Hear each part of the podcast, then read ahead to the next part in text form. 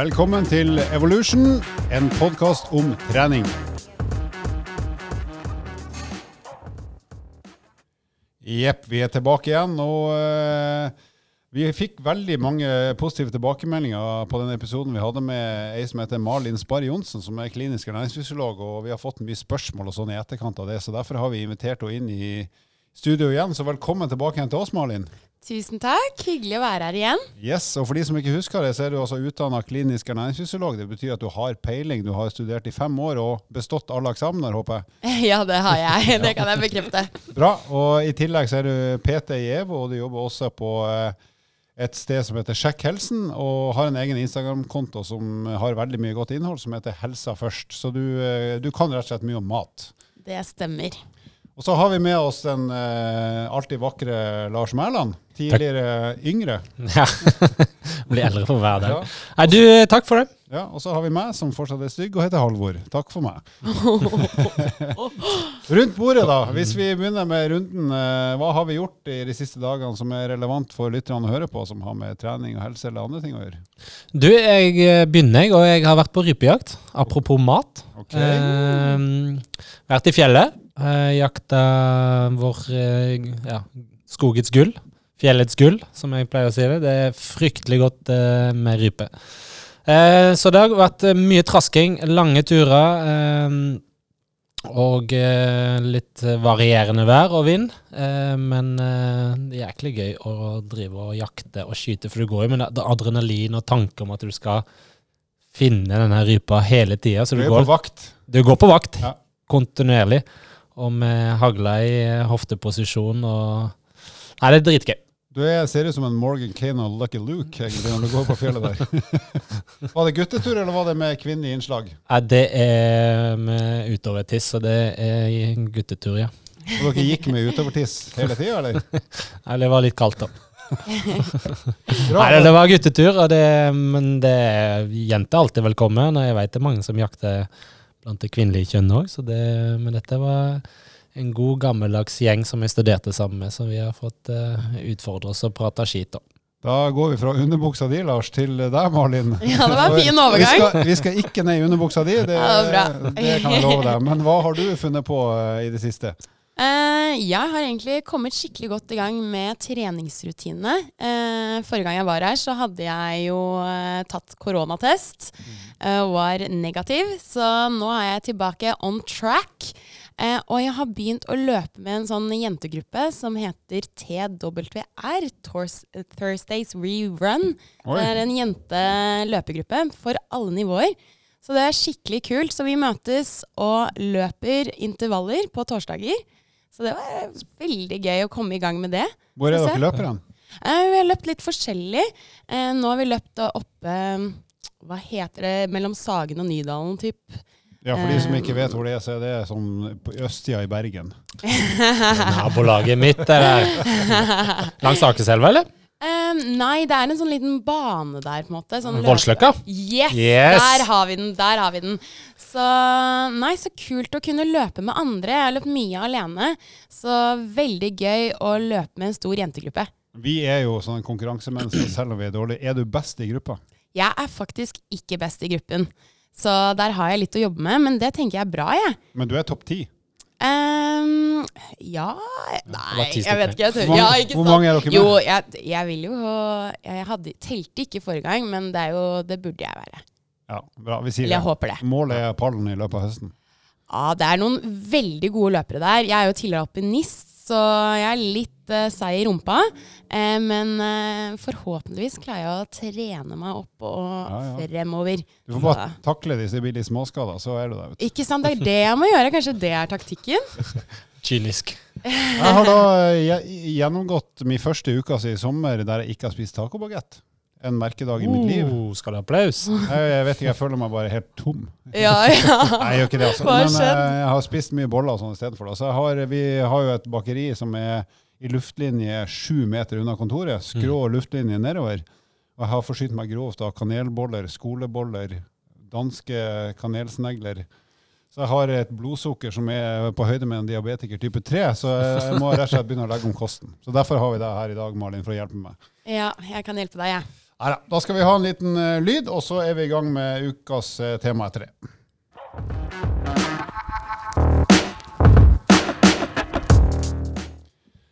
Og det vi skal snakke om eh, primært nå, det er rett og slett eh, vektkontroll og mat. Vi har snakka mye om trening og vektkontroll, og spesielt av vektnedgang, men nå skal vi fokusere på matens rolle i vektkontroll. Og vi tenker da både på å gå opp i vekt, ned i vekt, og det å holde den vekta man trives med. Eh, så sånn eh, generelt da, eh, Malin, du som kan det her på ordentlig. Hva, hvis du skal begynne med ikke hva man skal spise, men hvis du tenker deg sånne mentale aspekter av det å f.eks. Ja, la oss begynne med å gå ned i vekt. Hva er det som er lurt å være klar over det, tenke gjennom når man f.eks. skal inn i en sånn vektnedgangsprosess? Eh, jeg tenker at noe av det viktigste er å kunne liksom sette seg ned og lage en plan og forutse utfordringer. Eh, og noe av det viktigste er også måltidsrytme. Eh, mange tenker at man skal gå ned i vekt, og så eh, utsetter man måltidene, eller at man ikke spiser, og så blir man jo kjempesulten, blodsukkeret blir veldig lavt, mm. og så spiser man masse. Mm. Så det med måltidsrytme, å spise jevnt, eh, sette seg en plan som ikke er altfor streng, Veldig mange setter seg veldig strenge planer, strenge dietter og sånne ting. Og da sprekker man ofte ganske fort. Så det å være litt ærlig med seg selv og hva som faktisk er gjennomførbart, gjøre små endringer, eh, det tenker jeg er smart når man skal starte. Er det noen andre ting man typisk støter på mentalt, psykologisk i en prosess som ja, for alt man vet kan vare livet ut, eller iallfall i lang tid. Da, for det er jo ikke noe som liksom er gjort på ei helg. Hva, hva, er det andre ting man kan oppleve? Um, jeg tenker jo at det å gå ned i vekt er jo vanskelig psykisk. Eh, og det å måtte endre kostholdet er vanskelig. Eh, så det å ikke undervurdere det, det, det, tror jeg er viktig. Eh, jeg tror vi fleste av oss har jo prøvd å kanskje bli sunnere eller gå ned i vekt før. Mm. Eh, og vi vet at det er vanskelig. Så jeg tenker jo først og fremst så kan man jo prøve selv og se hvordan det går. Men hvis man kjenner at det er eh, vanskelig å få til, man går veldig opp og ned i vekt, eh, og møter på utfordringer, så er det jo fint å få litt hjelp og litt ekspertise. Mm. Eh, så jeg møter jo veldig mange eh, der jeg jobber, på Sjekk helsen. Eh, da får jeg inn ernæringskunder som har prøvd utrolig mange ulike dietter og gått veldig mye opp og ned i vekt. Og det er en stor psykisk påkjenning. Mm. Eh, så det, at, eh, det å komme til meg og kanskje få litt eh, hjelp, og eh, få en plan og litt oppfølging og eh, litt eh, mer praktiske råd, det tror jeg har vært til stor, stor hjelp. Så, sånn sett. Ja, for alle vil jo, ja, vil jeg tro, oppleve flere ganger at ok, enten så stopper det litt opp, naturlig mm. nok, eller man til og med har litt tilbakegang. Og mm. noen kan til og med oppleve at nå går jeg på en skikkelig smell. Mm. Det liksom, og det å komme seg videre etter det, det er kanskje lurt å prøve å gjøre noe annet enn det som leder opp til den smellen. Eh, og Det er kanskje derfor mange tenker at nei, bare prøve det, altså, det er sikkert kjempebra. men er det en måte å prøve å jobbe seg gjennom sånne tilbakegangsfaser som kan bidra til noe konstruktivt, og ikke bare et nytt forsøk på å gjøre noe som ikke funker? Ja, jeg tenker jo at uh, først og fremst uh, at uh, små endringer At man ikke gjør sånne store helom... altså bare endrer hele kostholdet. Mm. For det er veldig vanskelig. Og når man går Altså det er jo vanlig at det går litt opp og ned. Det er vanlig at man har noen uker det går bedre enn andre. Mm. Og det å på en måte også være litt forberedt på det, da. Mm.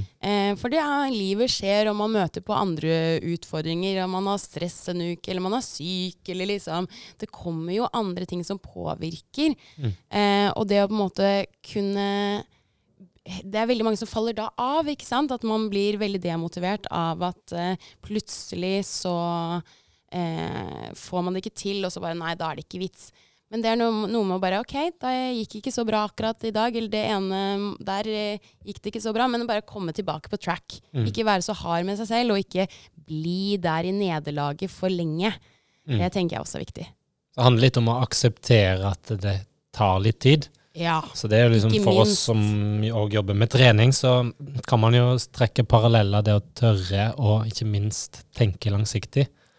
Absolutt. At det skal være et arbeid som må gjennomføres over tid for at de resultatene man ønsker skal oppnås. Og Det er derfor det er fint å ha eh, langsiktige mål, men også kortsiktige mål. Mm. Så man har liksom begge deler å strekke seg etter. Mm. For Det er veldig slitsomt å strekke seg etter et veldig langsiktig mål, og så tenke at det skal skje som en quick fix. Mm. Og så kommer man seg liksom ikke dit. Da er det greit å ha noen korte, liksom korte mål, eh, så man blir litt sånn eh, motivert på veien. Mm. Når man kommer dit, og man kommer, har kommet i den vekta man trives med eller vil ha, eh, eller man kanskje har vært der i mange år, skal man, hvordan skal man tenke rundt det å holde vekta? For mange, uansett de fleste av oss siger jo litt opp i vekt sånn over år, ikke sant? og plutselig så er det 15 for mye. Så Mm. hvordan kan man tenke rundt det å holde ei vekt som er gunstig, eller som man trives med? Ikke sant? For det er jo en balanse det der, og det går jo litt opp og ned. Jeg tenker at eh, sånn, eh, de fleste av oss, eh, veldig mange av oss, har hatt hjemmekontor i koronatiden, og da er det sikkert veldig mange av oss som har gått litt opp i vekt. Sant? Livet skjer, det kommer utfordringer. Og da er det noe med å hente seg litt inn igjen før det er for sent. Uh, og det er helt greit at man går litt grann opp og ned i vekt. Det er helt normalt. Men så er det noe med på å gjøre de små endringene før det blir uh, et større problem, eller et større utfordring, da, rett og slett. Uh, og så er det noe med å bare følge Helsedirektoratets kostråd. Mm. Være litt bevisst på det. Og så vet man kanskje sånn ja, Har man uker eller måneder der man skeier litt ekstra ut, og så må man liksom eh, strekke seg litt inn igjen eh, etter det. Så det er på en måte det å på en måte Det går litt opp og ned. Man må være forberedt på det, men eh, det å også kunne være litt flinkere i perioder, det hjelper. Men, men eh, mange av oss, og si oss, og sikkert utrolig mange av lytterne, hvis du tenker deg sånn gjennomsnittsnordmann eller -kvinne, vi, vi siger litt opp i vekt over tid, for når man er voksen og blir eldre. Eh, og så er det ofte kanskje bare én ting vi gjør hver dag, eller nesten hver dag, som gjør at vi siger opp i vekt. Mm. Har du noe erfaring eller tips på hva er det sånne skjulte feller er som man egentlig ikke tenker over engang, men som er kanskje den ene lille faktoren som gjør at du sklir litt opp over tid? Ikke sant. Eh, det er jo litt forskjellige ting som jeg ser går igjen, da. Eh, noen er jo sånn her det med å kose seg. At eh, hverdagskosen blir litt for stor, og så koser man seg litt hver eneste dag. Ikke sant? Den er ganske eh, vanlig. Så den lille sjokoladebiten den blir etter hvert eh, halv plate, og så blir det hel plate. Og så, Ikke sant? Altså. Terskelen blir liksom flyttet litt og litt og litt, og man merker ikke så mye den eh, ene dagen eller uken, men når det går over lang tid, så, så kan det bli mye mer. Eh, og så er det noe med eh, i forhold til eh, mengde. Mm. Eh, det tenker jeg også er eh, litt viktig. At man eh, noen ganger Det er også sånn som skjer over tid, at man spiser litt mer og litt mer og litt mer. Ikke sant? Eh, så det er også veldig normalt. Også det som jeg syns også er viktig, er som sagt måltidsrytme. Fordi når man kommer seg litt ut av den måltidsrytmen, så er det, og i rutiner, og spesielt nå som det har vært koronatid og folk har hjemmekontor, ikke minst, da er det litt vanskelig å få de der matrutinene. Og det å opprettholde, opprettholde måltidsrutiner, at vi spiser ca. etter tre-fire timer, Mm. det også kan hjelpe til å holde en stabil vekt. Mm. Mm. Mm. Jeg kjenner meg veldig godt igjen i den uh, kosen. Ehm, for de som uh, kjenner meg bakgrunnen min, har jeg jobba med alpinlandslaget i, i nesten seks år. Og eh, rent sånn praktisk gikk jeg opp 11 kilo første sesongen min. Ja, og da fra 1. september til 1. april, eh, og utelukkende fordi jeg spiste det samme som idrettsutøverne, altså toppidrettsutøverne. Mm. Og eh, når man er på reise, så er det dessert til hvert måltid, eller til lunsj og middag. Og jeg skulle jo spise det samme som dem, jeg skulle gjøre det samme som dem. Eh, trente dog eh, ganske mye mindre. Du satt, Eh. du satt mindre i hockey enn de. Ja, bitte litt mindre. så, um, så jeg fikk jo kommentar når jeg kom hjem, men det er ganske morsomt. Men det så ut som jeg lagra mat i Kina. Jeg så ut som en sånn hamster som, som var fått litt for mye mat. Um, så det var på en måte min story bak det med den ekstra kosen. Jeg, jeg visste jo at det Jeg kjente jo det på kroppen at man, eh, man eh, ble større. Men dog, eh, satt i perspektiv, jeg har aldri vært så sterk som jeg var i den perioden. Eh, Det var selv den eneste gangen jeg har klart å være litt raskere enn i løping, tror jeg. Ja, for det er løp Rett- baklengs, ja. Rett etter at du kom hjem fra den perioden her.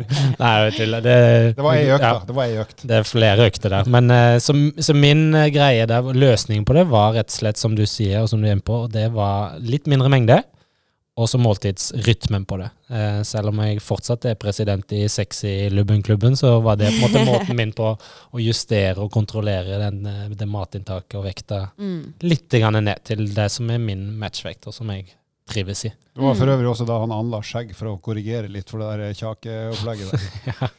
Men eh, da er vi over på litt som er praktisk. ikke sant? Hvordan, hvordan skal vi tenke rundt matinntak, da, hvis vi tar i utgangspunktet nå at du skal ned i vekt? Kontrollert ned i vekt. Hvordan, Nå har vi snakka litt om måltidsrytme og sånn. Hvis du tenker deg, hva er liksom hva er oppskrifta på å gå ned i vekt på en smart måte, hvis du tenker på hva man spiser, når man spiser? Ikke sant. Eh, det jeg tenker eh, er veldig viktig, er jo å eh, tenke at man Hva er eh, Det er jo liksom forskjell på hva som er energitett, og hva som eh, ikke har så mye energi. Men så kan det ha samme volum. Ja. Eh, og da er det f.eks. grønnsaker og frukt og bær og grove kornprodukter. De fyller veldig, eh, men ikke Ja. så mye kalorier. De tar plass i magen, men de gir ikke så mye kalorier. Ikke sant? Og det, for vi vil jo bli mette. Vi vil jo føle at vi er mette, sant? Eh, for det gir jo en god følelse, ikke sant? Eh, man vil jo ikke føle at man sulter seg på noen som helst måte når man går ned i vekt. Så det å måtte fylle opp med disse varene, sånn at man får den metthetsfølelsen, det tenker jeg er kjempeviktig. Mm. Og så er de litt i forhold til å bytte ut uh, noen produkter. Um, så det å bytte ut til eh, liksom magre melkeprodukter, også, der kan man også ha en del å hente. Mm. Så det er måte de eh, rådene som er egentlig mest. Eh, så det er måte sånn praktisk, helt praktisk, så tenker jeg sånn der, til frokost, det å ha at man har- bruker de brødskivene, det brødet med mye fiber i. Der har vi sånne brødskalaen, hvis man ikke har sett det. Så er det en sånn brødskalaen på posen, på brødene, og da kan du se hvor mye fiber det er. Så da er det veldig fint å ha den, eh, de brødene over 50 Ja. Yes. Det er et godt tips. De vil mette. De vil De metter metter mye mer. Eh, og, så, og havregryn også er kjempefint. Metter godt, ikke sant. Så kan man gjerne ha litt bær og frukt og sånne ting.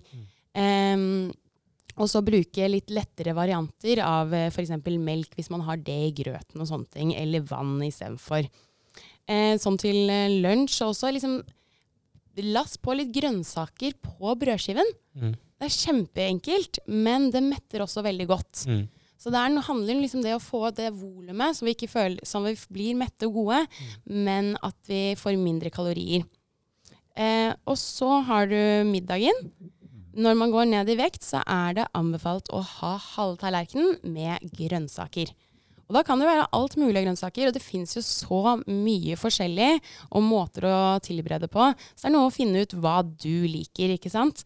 Prøve seg litt frem. Hvis man, eh, grønnsaker er litt ukjent eh, farvann, så er det liksom bare å prøve seg litt frem. Og frosne grønnsaker like bra som ferske. Mm. Så der er det enkelt, altså. Det er bare å kjøpe denne frossenpakken, hive den i stekepanna, så er det good to go. Og så er det et poeng å ikke ha, for, ikke ha en gigastor tallerken heller, da. For Ja. eh, Da kan jo den tallerkenen bli ganske næringsfull 100 likevel. Altså, Har man gigatallerken, så blir det jo mer mat på tallerkenen. Så, og det handler jo også liksom det å eh, kanskje ikke ha sånn at man eh, Sånn praktisk råd, i hvert fall. Og jeg merker i hvert fall hvis jeg har middagsmaten på bordet, Mm. så forsyner jeg meg ma mange flere ganger Mm. enn om jeg har det inne på kjøkkenet og må gå inn der for å hente mer mat. ikke sant? Mm. godt tips. Du gjør det litt vanskeligere. å- Lite ja. grann. Og det å liksom ta seg tid til å spise, det tenker jeg er viktig. For veldig mange av oss lever stressfulle liv, eller har mye på agendaen.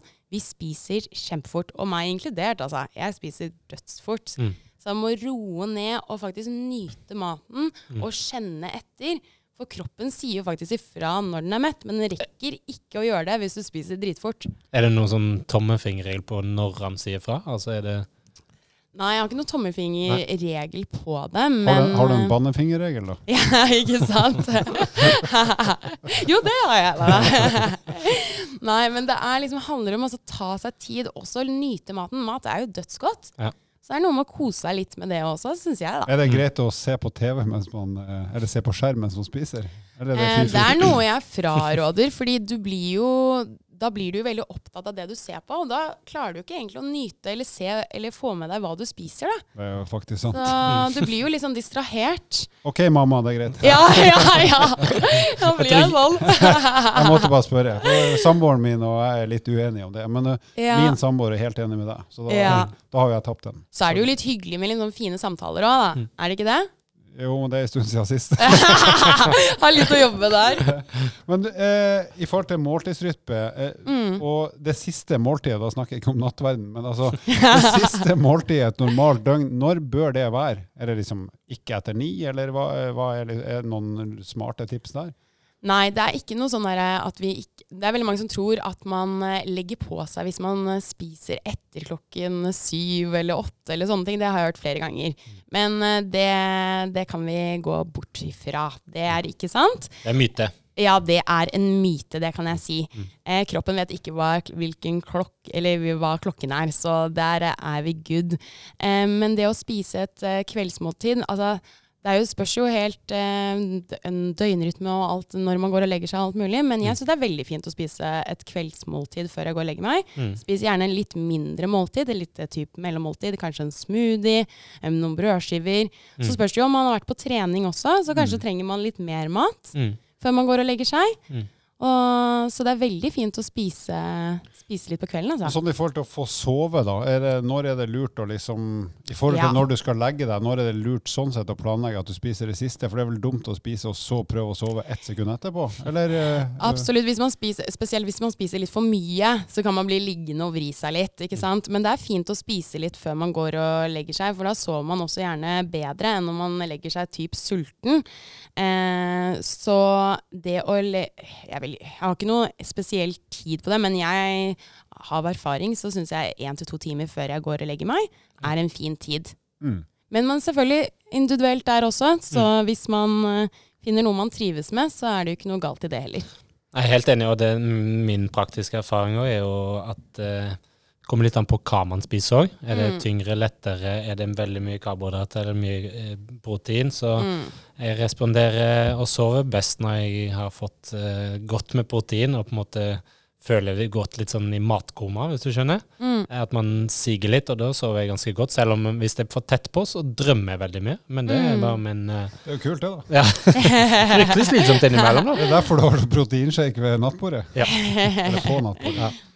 Men Du var litt inne på sånne eh, ting man kan bytte ut eller erstatte. altså Du snakker om magre meieriprodukt. Er det andre Mm. kategorier av mat der du kan vet at det her syns jeg er kjempegodt, men så finnes det et magrere alternativ som på en måte sannsynligvis smaker mer eller mindre kliss likt, som kan være lurt å tenke over? Absolutt. Eh, mange varer har jo sånn nøkkelhullsmerke disse dager. Mm. Ikke alle kategorier, men eh, mange.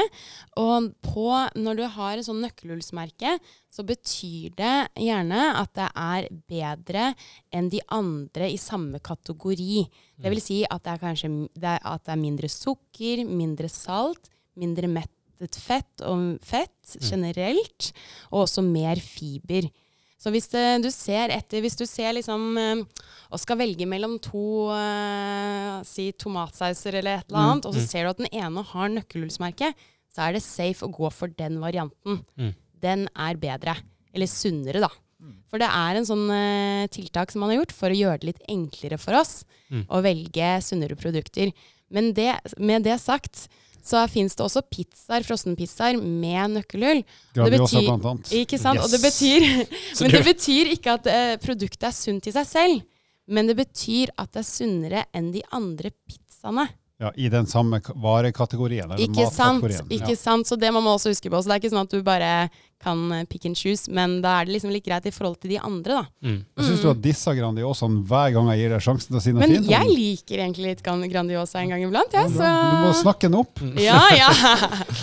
Vent til den har smakt tacobagetten. ja, ikke sant? Men eh, hvis vi snur på problemstillinga og sier at jeg vil opp i vekt, Mm. eh, hva er det slags tips man eh, Hvordan kan man legge opp kostdøgnet da? Ikke sant? Og da tenker vi jo primært at man ønsker å gå opp i vekt kanskje for å øke muskelmassen, ikke bare for å veie mer, tipper jeg. Mm. Mm.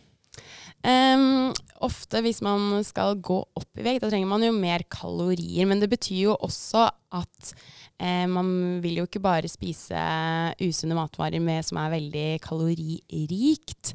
Men fortsatt på kanskje spise godt og sunt og få i seg nok proteiner. Ofte så vil man jo også øke muskelmasse. Mm. Og da er det fint å også øke proteininntaket. Så det vil si egg og kylling og fisk eh, og melkeprodukter har jo protein. Eh, så der Det ofte jeg eh, anbefaler da, er også så ha litt eh, flere mellommåltider. Eh, og eh, fordi det er ikke alltid så lett å få inn mer kalorier i løpet av en dag. Mange syns det er veldig vanskelig når man skal opp i vekt. Mm. Eh, og det å også få i seg eh, flytende kalorier kan også være enklere. Så det å lage smoothie eller eh, sjokomelk eller liksom sånne ting, at man får det også flytende, flere måltider i løpet av dagen, mindre måltider også, kan hjelpe deg. Sånn at du slipper å sitte og spise disse svære måltidene og prøve å stappe i deg mens du er mett. Det, det fungerer dårlig. Så her blir det litt omvendt. Her er det på en måte greit å spise litt, eh, ja, drikke litt næring, da, Mm. og kanskje til og med velge noen løsninger der du får i deg litt eh, Altså ikke tenke at det skal ta mest mulig plass, men å gi deg den energien og de proteinene du trenger, mer enn at det skal liksom være magert. Absolutt. Så da trenger du ikke å alltid velge de mage, magreste produktene og sånne ting heller. Eh, og det er helt greit, eh, og i hvert fall når man eh, over en periode, så er det helt greit å få i seg litt mer fett. Og fettet er jo også en ganske enkel kilde, for det er ganske kaloririkt. Mm. Så det å liksom bare putte litt ekstra olje, rapsolje, eller eh, når man steker, eller ha litt mer smør på skiva, Mm. kan faktisk bidra til at du får i mer kalorier. Men sånne typiske ta, spis proteinbar eller proteinshake som Lars gjorde i gamle dager, eh, er det også greit for å få i seg mer protein og mer næring?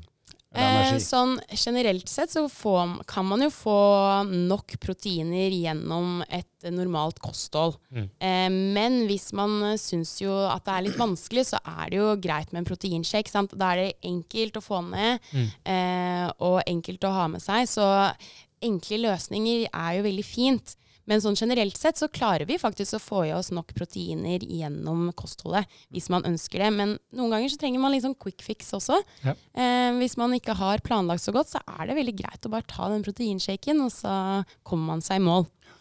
Hvis du skulle, med den kompetansen du har, hvis du skulle sagt sånn generelt, eh, hva vil være et sånn helsemessig eh, smart og realistisk mål i forhold til vektnedgang over tid? Altså er det per uke eller per måned? Hva, hva, hva kan du si til lytterne som, som gir dem en, en fornuftig inngang på en vektreduksjonsfase? Hvor, hvor mye er det lurt å prøve å gå ned i vekt, f.eks. per uke over tid? Ja, eh, det man sier er jo faktisk en halv kilo til én kilo per uke. Så det er ikke mer enn det, men det er for å holde en stabil vektnedgang over tid. Mm. Ofte når vi går på sånne quick fix-løsninger, der vi går ned veldig raskt, veldig fort, så ser vi i forskningen at da er det veldig lett å gå rett opp igjen. Mm. Jojo-slanking. Mm. Eh, Jeg tror det er veldig mange som har gjort det. Og jeg møter flere som er veldig oppgitt, som har gjort det mange ganger, mange runder. Og da er det fint å ha den der tålmodigheten og heller gjøre det over tid. Mm. Så vi går stabilt nedover, og, og da er det også enklere å holde den eh, matchvekten som man eh, kommer på, da. Mm. Men når Så- du, hvis man klarer det, og la, la oss Mm. si at du har en mann som skal gå ned, la oss si bør gå ned 20 kilo, eh, Mm. så tenker jeg vedkommende, ok, men da si at i løpet av et halvt år til tre kvart år, så kan jeg komme dit. Mm. Men i en sånn fase vil man vil man likevel oppleve at av og til så stopper det litt opp. Absolutt. Det, det vil man uh, møte på. Hvorfor skjer det egentlig? For det skjer jo nesten med alle, uansett hvor flinke de er. Ikke sant? Det er jo ulike grunner til det. Det handler jo litt grann om metabolismen og sånne ting. Eh, at kroppen eh, ikke helt er eh, med på lag. Mm. Eh, men så handler det også om at ulike uker og ulike måneder, så har vi andre utfordringer, og vi blir påvirket av de.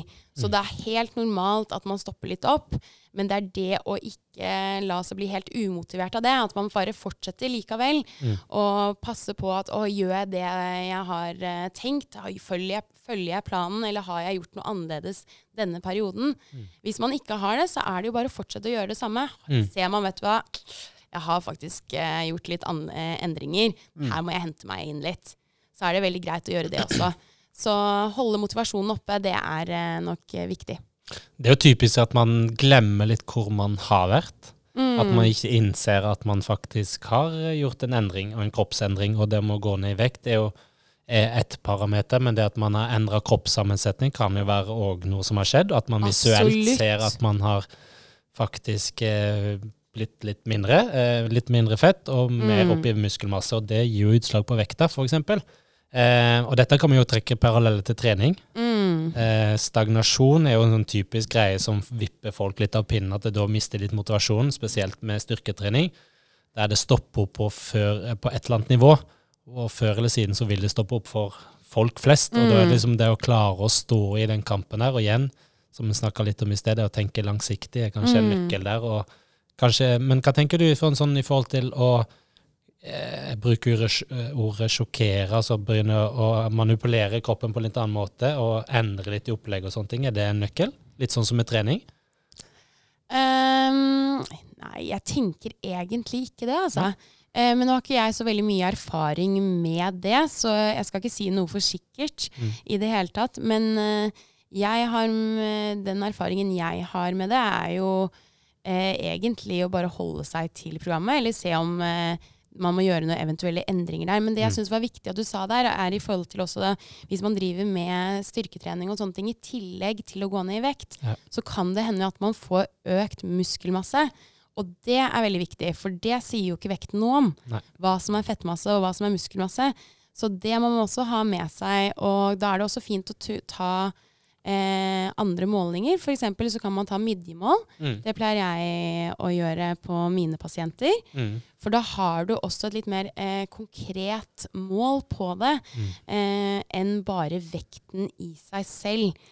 Ikke sant? Mm. Så det å ha mer enn bare vekta som en sånn indikator er, er smart. Og Absolutt. også hvis man da trener i tillegg, så vil man kanskje merke at nå har jeg bedre kondis eller har blitt sterkere. Så Mm. ei uke som går tregt på vekta kan være bra med midjemålet, eller kanskje man setter en pers i en styrkeøvelse. Mm. Så det, det å ha flere indikatorer som hjelper deg til å se at det skjer noe positivt, selv om ikke nødvendigvis vekta Mm. tipper nedover hver uke, kan være et tips.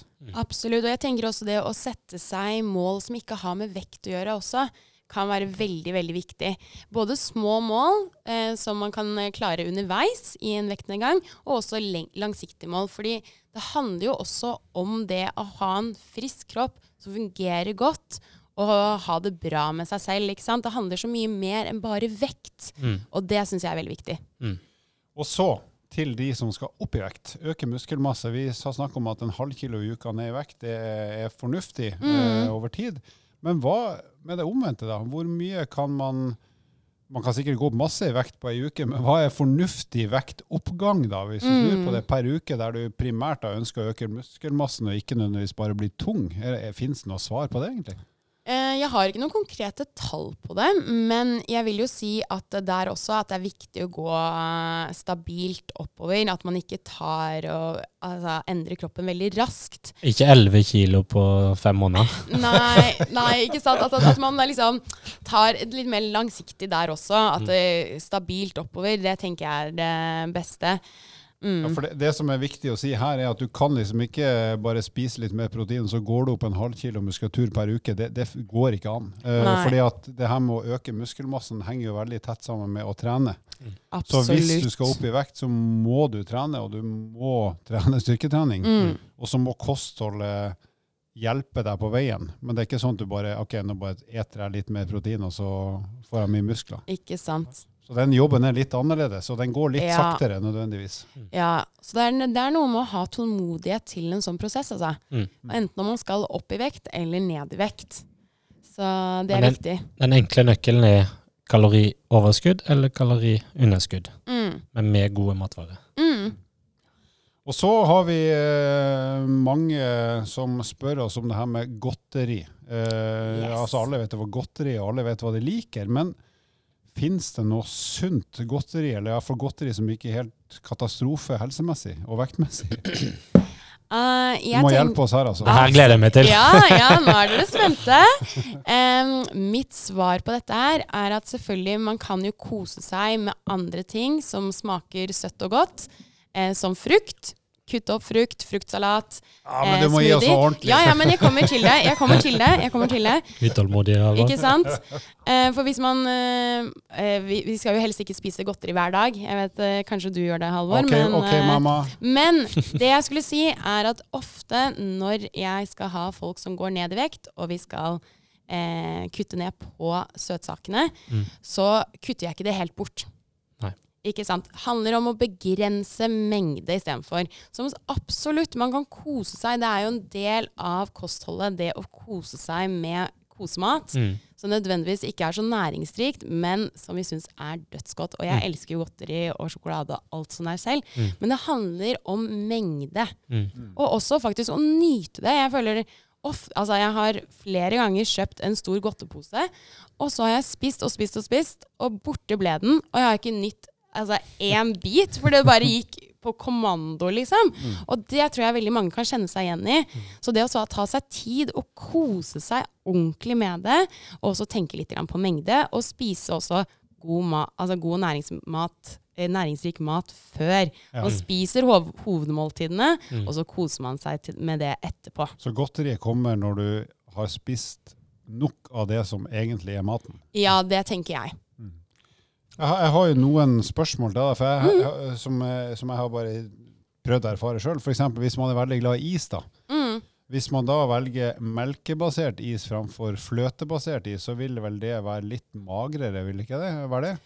Eh, jo, altså det fins jo magrere sorter og sånne ting. Jeg personlig syns jo at eh, de fløteisene smaker best. Mm. Uh, så hvis man syns liksom den isen Du skal kose deg med is, og så kjøper du en sånn mager variant, og du syns ikke den smaker så veldig godt, så, så, så føler jeg poenget med å spise is er borte.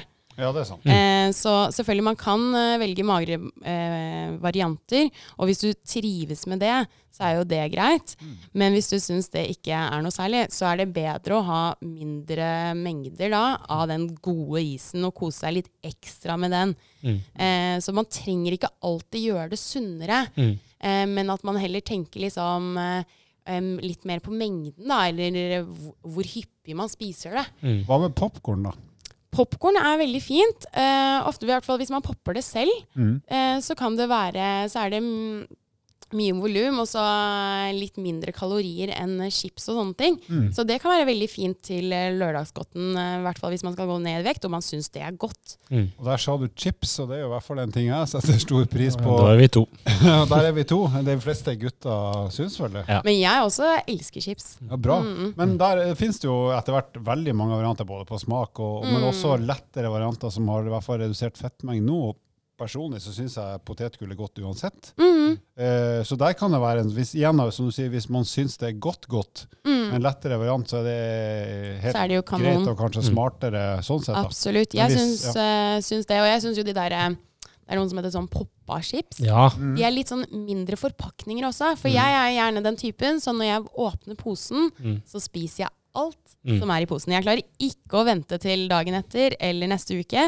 Jeg spiser alt på en gang. Og da er det litt greit med litt mindre forpakning, synes jeg. Så det er sånn, litt sånne ting også er litt sånn greit å ta med. Det er det strategisk det, Mm. av dem. Det, og det enkelt sagt, man, eh, man nyter jo det når man spiser. Prøver i hvert fall, men det er veldig vanskelig å stoppe. Ja, jeg syns det. Jeg har en liten digresjon der. Eh, og det går jo til fredagsmaten. Eh, jeg ble lurt her eh, for noen uker siden. Eh, skal ikke nevne navn, men det var en hjemmelaga pizza. Eh, I etterkant, før vi skulle begynne på smågodtet og chipsen, så fikk jeg vite det var laga på blomkål. Og for de som kjenner meg, eh, så er jeg mindre glad i grønnsaker. Eh, det må ofte skjules, enten gjennom en smoothie, at, eller at det er mosa inni en potetmos eller en stappe. Du høres ut Eller, som et barn. ja, men jeg er et lite barn, og det, Ja, mamma hører ikke på noe. så det Det er stort barn. Ja, stort barn. Ganske stort barn. Men, ehm, så der ble jeg lurt, rett og slett. Men jeg skal ærlig innrømme, den pizzaen smakte ikke veldig eh, altså annerledes enn Ja, det smakte ok. Det smakte Eh, overraskende lite vondt. ja, ja, overraskende lite vondt. Og det var jo miksa inn i alt. Og det, men jeg fikk vite, når jeg fikk vite at det var blomkål jeg spiste, så gikk det utover smågodtet mitt. Jeg var bare å fy jeg skal ikke banne her, men eh, Så der ble mengden av smågodt og chips etterpå den ble fryktelig begrensa. Så det hadde jo sånn der eh, effekt av at eh, man følte man har spist eh, blomkål, som jeg hater. Brus, da. Altså sukkerholdig drikk versus eh, brus og saft uten sukker. Mm. Der er det kanskje litt å hente. Absolutt. Eh, der har du mye å hente for veldig mange. Så det å bytte over eh, fra sukkerholdig brus til eh, sukkerfri, Mm. der, det er eh, absolutt eh, fornuftig hvis man skal gå ned i vekt. Så det er derfor du drikker Cola Zero? Men jeg må bare si at Ja. vann er eh, første tørstedrikken. Så hvis man klarer det, så er jo det det beste. Men hvis man putter litt sukkerfri saft oppi, så er det Jeg pleier jo alltid å si at uh, det er jo sukker, sukkerfri brus består primært av vann. Ja, Det gjør jo det. det. ja det er jo sant. Det er jo sant, men det er jo bare tøv også. Men jeg drikker jo selvfølgelig Tab Extra siden jeg er veldig gammel. Det var den første sukkerfrie brusen i Europa. Men da eh, skal vi over til avslutninga, som kommer nå.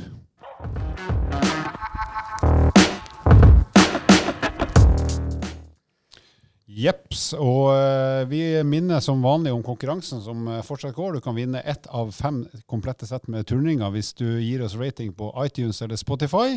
Eller hvis du sender oss inn spørsmål eh, på Instagram eller Facebook, og da heter vi Evo Fitness. Så bare send inn spørsmål som vi da med jevne mellomrom svarer på. Men vi slipper ikke unna en fun fact nå heller. og Forrige gang du var inne i studio, Malin, så snakka vi om en amerikaner som hadde spist 75 pølser i brød på ti minutter. var det ikke? Han eh, Mm, hadde det stappet det. i seg. Den rekorden er ennå ikke slått, men jeg tenkte jeg skulle Du har ikke å testa ennå? Nei, jeg har ikke testet. Kanskje det var de- deres nye challenge? Uff, ikke si det. Ja. Ikke si det på lufta. Men eh, jeg skal ikke si at vi holder oss i matveien akkurat, men jeg har i hvert fall en spesiell eh, informasjon, og den eh, er følgende at hver dag så svelger gjennomsnittlig et menneske, et voksent menneske, ca. 1 liter snørr. Altså ikke smør med M, men snørr med N november. oi, oi. Hva har du å si til det, Malin? Syns du det høres fornuftig ut? Ja, det, det høres fornuftig ut, men det høres jo mye ut, da. Altså, jeg tenker en, en, altså en melkekartong med snørr. Det er er skal- enorme mengder. Ja, Det er ugreit, syns jeg. Ja. Jeg typ, tror ikke man gjør mye av dette mens man sover. Altså for de som trekker ja, mye gå luft og Ja, det pust. kan godt hende. Jeg håper det. Det er klart man peller seg litt i nesa òg, men det går kanskje ut. og Det går ut. Ja, det går ikke. Eller med mindre du- Ja, med mindre du Er det, ut, er det utafor å pelle seg i nesa? Nei, og så tipper jeg det er noen i befolkningen som drar det snittet ganske bra opp. Helt sikkert, men ikke oss. Mm. Kanskje. Ingen kommentar. Ingen kommentar. Ja, men Bra. Da får du ha veldig takk for eh, besøket igjen, Malin. En glede å ha deg eh, tilbake igjen. Og vi kommer nok til å be deg om å komme tilbake på nytt, for det er mange spørsmål som går på mat og trening, og, og mye på de tingene du kan masse om. Og så tror jeg du skal hjelpe Halvor litt med Ja. Grandiosa Jeg tror det, altså. Jeg har jo, begynt å følge deg, jeg har jo til og med begynt å følge deg på Instagram. Så Eh, bra. Det er et steg i riktig retning. Det er i hvert fall et lite steg for menneskeheten. Ikke sant. Da, Lars, kan du få si noe rart? Sayonara! Send inn spørsmål til oss på Evo Fitness. Vi finnes både på Instagram og Facebook. Og vær grei å abonnere på podkasten på Apple Podcast eller Spotify.